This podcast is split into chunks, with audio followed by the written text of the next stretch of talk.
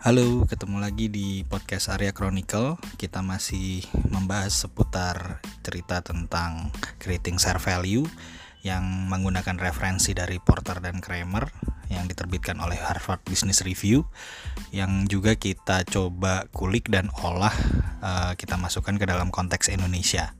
Semoga bermanfaat bagi teman-teman semua dan masyarakat di sekitar kita.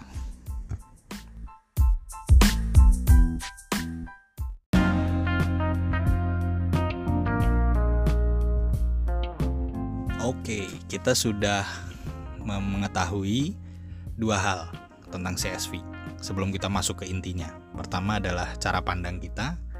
Kita udah setel nih cara pandangnya dan kita sudah tahu uh, proses bisnis kita ya. Teman-teman udah bikin coret-coretan lah ya uh, sambil dengerin podcast sambil bikin coret-coretan gitu. Kemudian teman-teman juga udah tahu nih definisinya CSV sederhananya gimana sih gitu. Jadi sekarang kita akan masuk ke bagian pembahasan tentang pandangan Porter dan Kramer untuk melihat CSV yang ada di eh, praktek-praktek yang dilakukan oleh perusahaan di dunia. Nah, teman-teman, Porter dan Kramer menyampaikan dalam tiga hal, yaitu yang pertama, yang saya sederhanakan ya bahasanya, adalah lebih kepada product development jadi bagaimana mereka mempertimbangkan kembali produk dan pasarnya sehingga mereka bisa melaksanakan CSV. Kemudian yang kedua adalah value chain. Uh, ini saya sederhanakan dari bagaimana kita melihat meredefinisi uh, produktivitas dari perusahaan yang dilihat dari perspektif uh, rantai supply atau rantai pasokan gitu. Jadi nanti kita akan banyak membahas soal supply chain di bagian yang uh, kedua tadi. Dan yang terakhir, Porter dan Kramer uh, melihatnya dari perspektif local cluster development. Jadi ini sederhananya gini deh, bagaimana kita mengembangkan support system terhadap bisnis atau usaha kita sehingga kita bisa tumbuh bersama.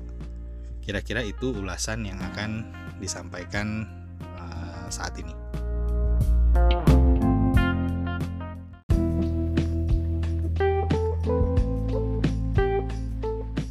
Ya, teman-teman, sekarang kita masuk di pandangan pertama tentang uh, product development. Jadi kita ingatkan lagi bahwa creating share value ini adalah bagaimana kita mencoba untuk mengintegrasikan pertumbuhan perusahaan dan juga uh, pertumbuhan kondisi sosial ekonomi. Artinya apa? Artinya kita harus bisa mengenali dampak atau ekses atau eksternalitas dari proses bisnis kita dan juga isu-isu sosial dan lingkungan yang ada di sekitar kita. Itu kenapa tadi perspektifnya helikopter view kita harus kita lebarkan supaya kita nggak kekunci hanya pandangan community development. Jadi banyak aspek yang bisa kita kembangkan di sini. Nah, kita coba uh, iris satu-satu dari pendekatan product development. Teman-teman, setiap uh, kita melaksanakan usaha, tentunya kita memiliki ciri khas atau karakteristik. Kita pakai yang paling simpel aja ya, industri makanan lagi. Ini uh, lagi-lagi soal makanan. Um, industri makanan itu tentunya tidak selamanya berjalan dalam kondisi yang normal atau lancar. Uh, pelaku industri makanan itu biasanya memproduksikan barangnya supaya laku itu kan ada dua pendekatan, yaitu rasanya enak, kemudian jumlahnya banyak dan harganya uh, bersaing lah ya terjangkau. Biasanya kompetisinya di situ. Itu itu ilmu paling mendasar. Nah, uh, terkait dengan bisnis makanan itu sebenarnya banyak isu yang permasalahan sosial yang ada di sekitar kita gitu. Contohnya yang paling sederhana adalah masalah nutrisi dan gizi dan apalah semuanya yang yang keterkaitannya dengan kesehatan. Isu nutrisi ini memang menjadi salah satu atensi dalam isu sosial terutama di wilayah-wilayah yang ekonominya kurang beruntung gitu ya. Nah, atau juga di beberapa negara yang memang masih memiliki isu masalah nutrisi ini gitu.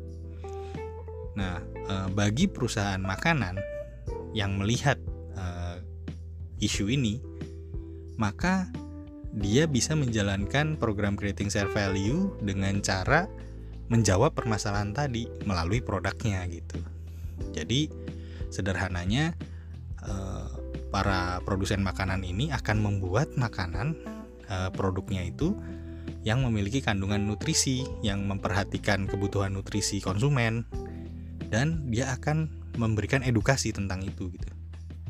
Jadi kalau teman-teman lihat saat ini kan banyak tuh produsen makanan yang kalau di iklan-iklan di TV ya itu e, mereka mengedepankan misalnya nih produk susu deh misalnya.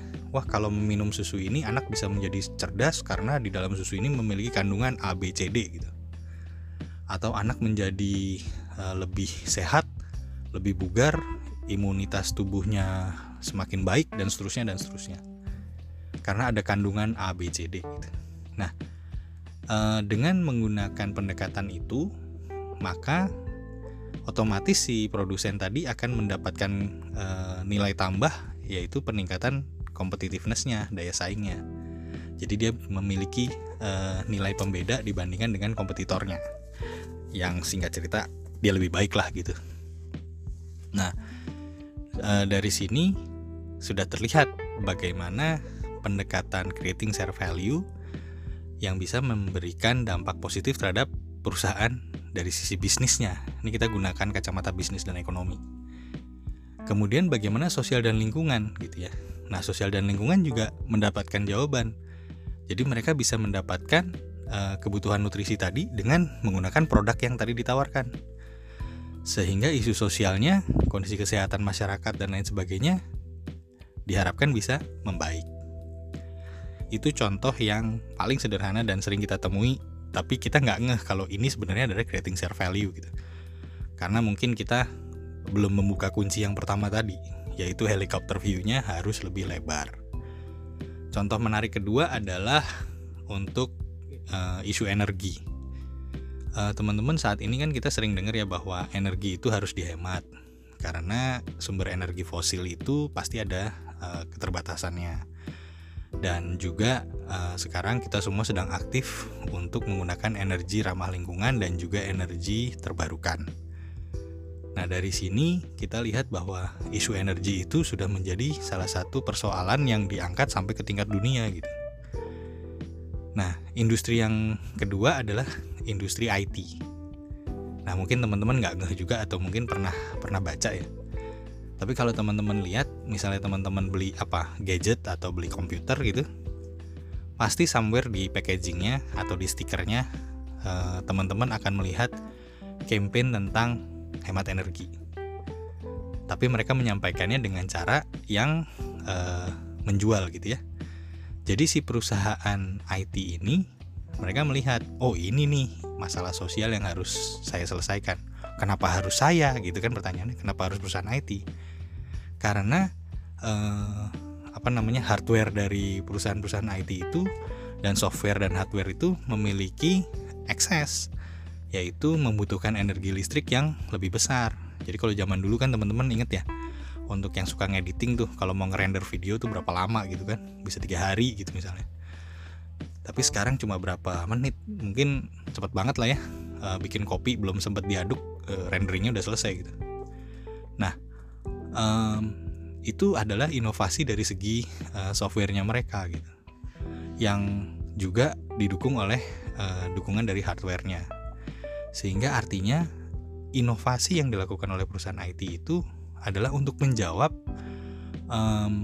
isu-isu um, sosial yang muncul dan dalam hal ini energi. Jadi kalau dilihat mereka itu bidiknya satu aja isunya, isu sosial apa? Itu yang dia yang dia beresin, nggak usah banyak-banyak. Sehingga mereka bisa fokus. Nah ini uh, dia campaign sebagai nilai tambah uh, nilai tambah atau keunggulan daya saingnya mereka gitu. Jadi kalau teman-teman beli barang pasti si penjual akan bilang barang A sama barang B yang lebih hemat energi barang apa dia nggak boros baterainya lebih lama umurnya misalnya nggak usah ngecas tiap malam atau misalnya untuk startup dia butuh uh, uh, energi sekian uh, besar dan durasi waktunya cuma hitungan detik misalnya gitu itu akan lebih menarik bagi uh, masyarakat sekarang gitu ya. Jadi mereka cari mana yang cepat, mana yang hemat dan mana yang murah. Hemat energi maksudnya dan murah harganya. Jadi gitu. Terjawab tuh isu sosialnya hanya dari pendekatan produk. Kalau dari lima alat bantu tadi mungkin kita bisa uh, gunakan pendekatan operasi itu bisa diganti dengan produk gitu ya. Dan juga dengan pendekatan bisnis sehingga bisnisnya jadi lebih baik. Dan pendekatan sosial lingkungannya udah pasti gitu. Jadi masyarakat dapat nilai tambah juga. Dan lingkungan kalau urusan sama energi itu udah pasti sama lingkungan pasti ada hubungannya gitu. Jadi uh, bisa lebih uh, ramah lingkungan.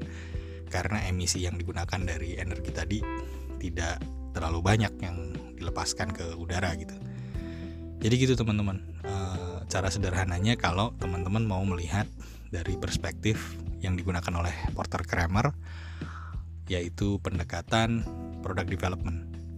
Sehingga kesimpulannya perusahaan-perusahaan yang tadi kita sebutkan atau perusahaan-perusahaan lain yang teman-teman bisa kasih contohnya itu melakukan pertimbangan kembali untuk produk dan pasarnya dia jadi mereka responsif terhadap isu itu dan mereka lakukan kebijakan creating share value sehingga perusahaan mendapatkan value, masyarakat dan lingkungan juga mendapatkan value. Di sini kita bisa lebih leluasa membahasnya karena kita sudah membuka e, cara pandang kita tidak lagi soal pengembangan masyarakat semata ya, tidak hanya soal community development, tapi kita menggunakan perspektif yang lebih luas.